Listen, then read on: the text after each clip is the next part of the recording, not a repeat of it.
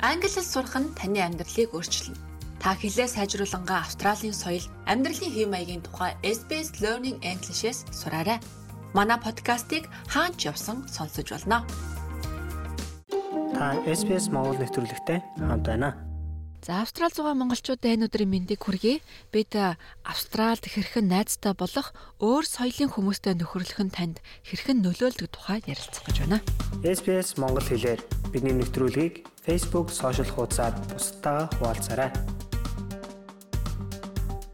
Шинэ улсад амьдрахаар ирсэн хүмүүс тулгардаг хамгийн том сорилтуудын нэг нь найз нөхдөдөө болох явдал юм. Бид ихэнхдээ эх орон нэгт ижил соёлтой хүмүүстэй танилцж нөхөрлөхөд илүү дөхөм амар байдаг. Гэхдээ энэ хүрээнээс гарч нийгмийн хүрээллээ тэлж байна гэд төсөөлөд үзтээ. Ялангуяа та олон соёлтой Австралид амьдарч байгаагийнх. Өөр соёлтой хүмүүстэй найзлах нь магадгүй таны ертөнцийн үзэх үзлийг өөрчилж бас харьяалагдах мэдрэмжийг тань дэвшлүүлнэ.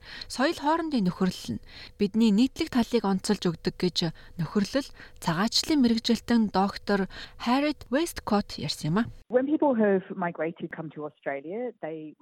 Хүмүүс Австралид нүүж ирэхдээ өөрийн төрлөх холбоосоо хадгалж ирэх нь ойлгомжтой. Хүмүүсийн энд орж байгаа шалтгаан өөр өөр. Тэдний суурьшиж байгаа арга хэлбэрч ялгаатай. Энд яагаад ирсэн түүхийг хүмүүсээс асууж ярилцах нь танд хэрэгтэй байж болох ч нөгөө талаас бас сэтгэлийнх нь эвгүй дурсамжийг хүндэтэж болзошгүй юм а. RMIT-гийн олон нийтийн харилцааны мэрэгжилтэн профессор Кэтрин Гомес бидэнтэй адилхан сэтгэгдэх мэддэг хүмүүс бидэнд илүү дотор нь мэдрэмж төрүүлдэг. Гэхдээ энэ харилцаанд сул талууд ч байгаа гэж ярьж байна. Асуудал нь та өөрийн хүрээллээс цааш тэлэхгүй байгаад учраа байгаа юм. Энэ хүрээлэл байгаа үед ялангуяа бид мэдээлэл хүлээж авахд бидний харах өнцөг яг ижил байдаг. Тэгэхээр таны зорьсон улстай амьдрах тухай мэдээлэл манай найзын мэддэг мэдээлэл миний мэддэг зүйлэл байдаг. Та энэ гадаад улсад амьдрах учраа олоогүй байгаа учраас энэ нь нэлээд асуудалтай болно. Хэрв та хүнд нөхцөл байдалд орж тусламж хэрэгтэй бол яах вэ? Та яах ёстойгоо мэдхүү өөр бусад соёлтой танилцах нийгэмших хамгийн чухал шалтгаануудын нэг бол мэдээлэл солилцох явдал юм а гэж профессор Гомес тайлбарласан юм. This is probably the best example. Whenever you ask someone Энэ үед ярих нэг жишээ байдаг. Та хэн нэгнээс яралтай тусламжийг ямар дугаараар дуудах вэ гэж асуувал хүн болгонд тархинд нь өөрийнх нь төрж уссан улсын дугаар л орж ирдэг. Жишээлбэл би Сингапураас ирсэн хүний хувьд миний толгойд автоматар 999 гэдэг дугаар орж ирнэ. Харин үүний оронд уг нь 000 буюу тэг тэг тэг гэж Австрал төрсэн хүмүүст орж ирнэ. Олон улсын оюутнууд найз нөхдөдөө болсноороо соёлын цочрол багтай дасан цогцохтой илүү хурдан байдаг гэсэн хэдий ч олон хятад оюутнууд хятадын хүрээллээсээ гадуур найз нөхдөд болдоггүй гэдгээ профессор Гомес ярьдаг байна. Найзуудынх нь найзууд хүртэл хятад хүмүүс байдаг тул тэд энэ хүрээлэлдээ гацчихдаг гинэ.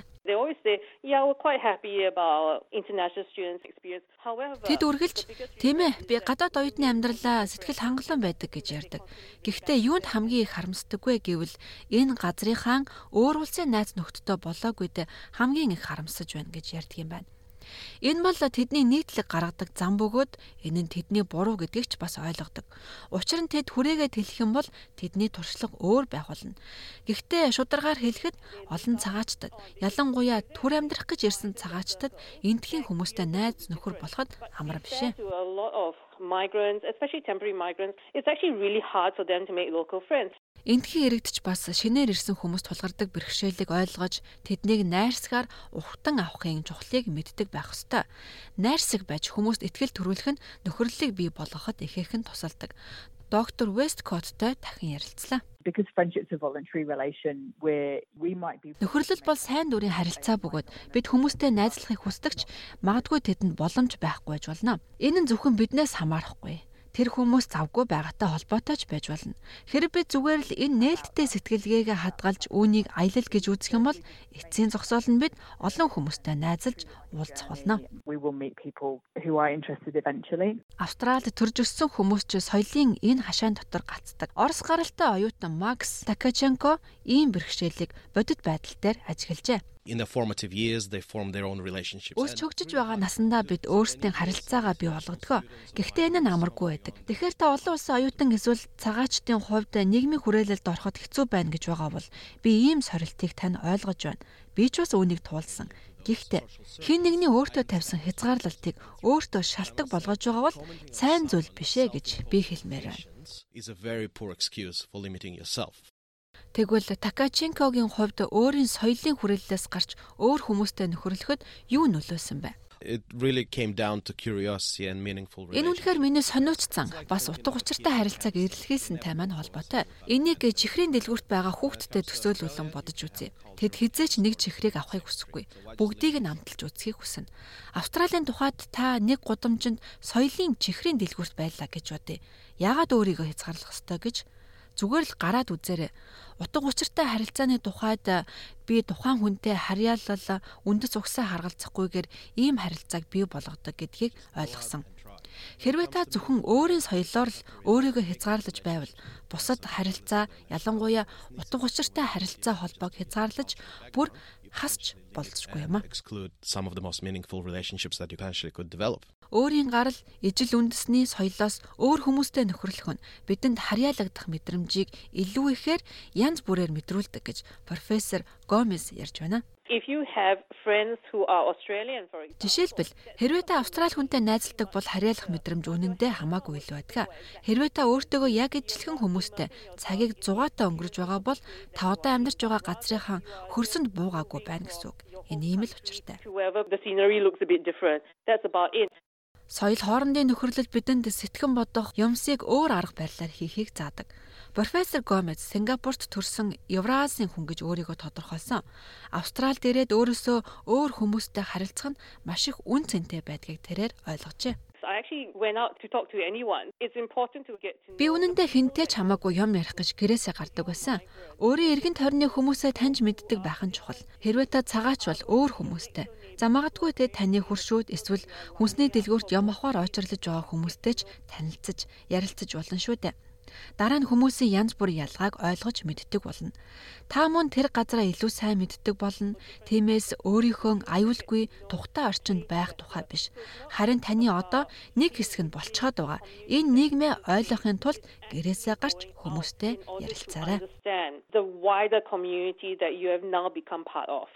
Соёлын нэг хүрээлэл хагалахаас айдаг, хэцүү гэж зарим хүмүүс ярьдаг. Гэхдээ айдас таны нөхөрлөлд саад учруулахыг бүү зөвшөөр гэж зөвлөж байна. It's like what you fear is the things you're going to miss out on the other side of the fear. Таны айдас түүний нөгөө талд та юу алдах вэ гэсэн айдас байдаг. Та алхад сурч байгаа хүүхдийг харсан уу? Алхаан гэдэг бидний хувьд сурахад хамгийн хэцүү чадваруудын нэг. Гэхдээ хөлд орж байгаа хүүхдүүд хизээж бууж өгдөггүй. Тэд хичээж дахин дахин оролдож байд сурдаг. Дараа нь бүр гүйдэг. Тиймээс бид айцаа даван туулж хөгжилтэй зүйл рүү ороорой гэж хэлмээр байна. Та зүгээр л орчноосоо гарч хошигнож мөцөө хаглах хэрэгтэй. Тэр хүн Австрал төрсөн эсэх. Эсвэл энд ирсэн нь хамаагүй. Бүгд австралчууд. Тиймээс зүгээр л барби дээр сам хорхоо цохиж шар харгаа онгоолгоод хөгжилтэй байгаарай. so just get out there, chuck a shrimp on a barbie, crack the beer open, have fun. SBS Монгол нэвтрүүлэг таны гар утас болон цахим хуудасд нийлдэхтэй байна.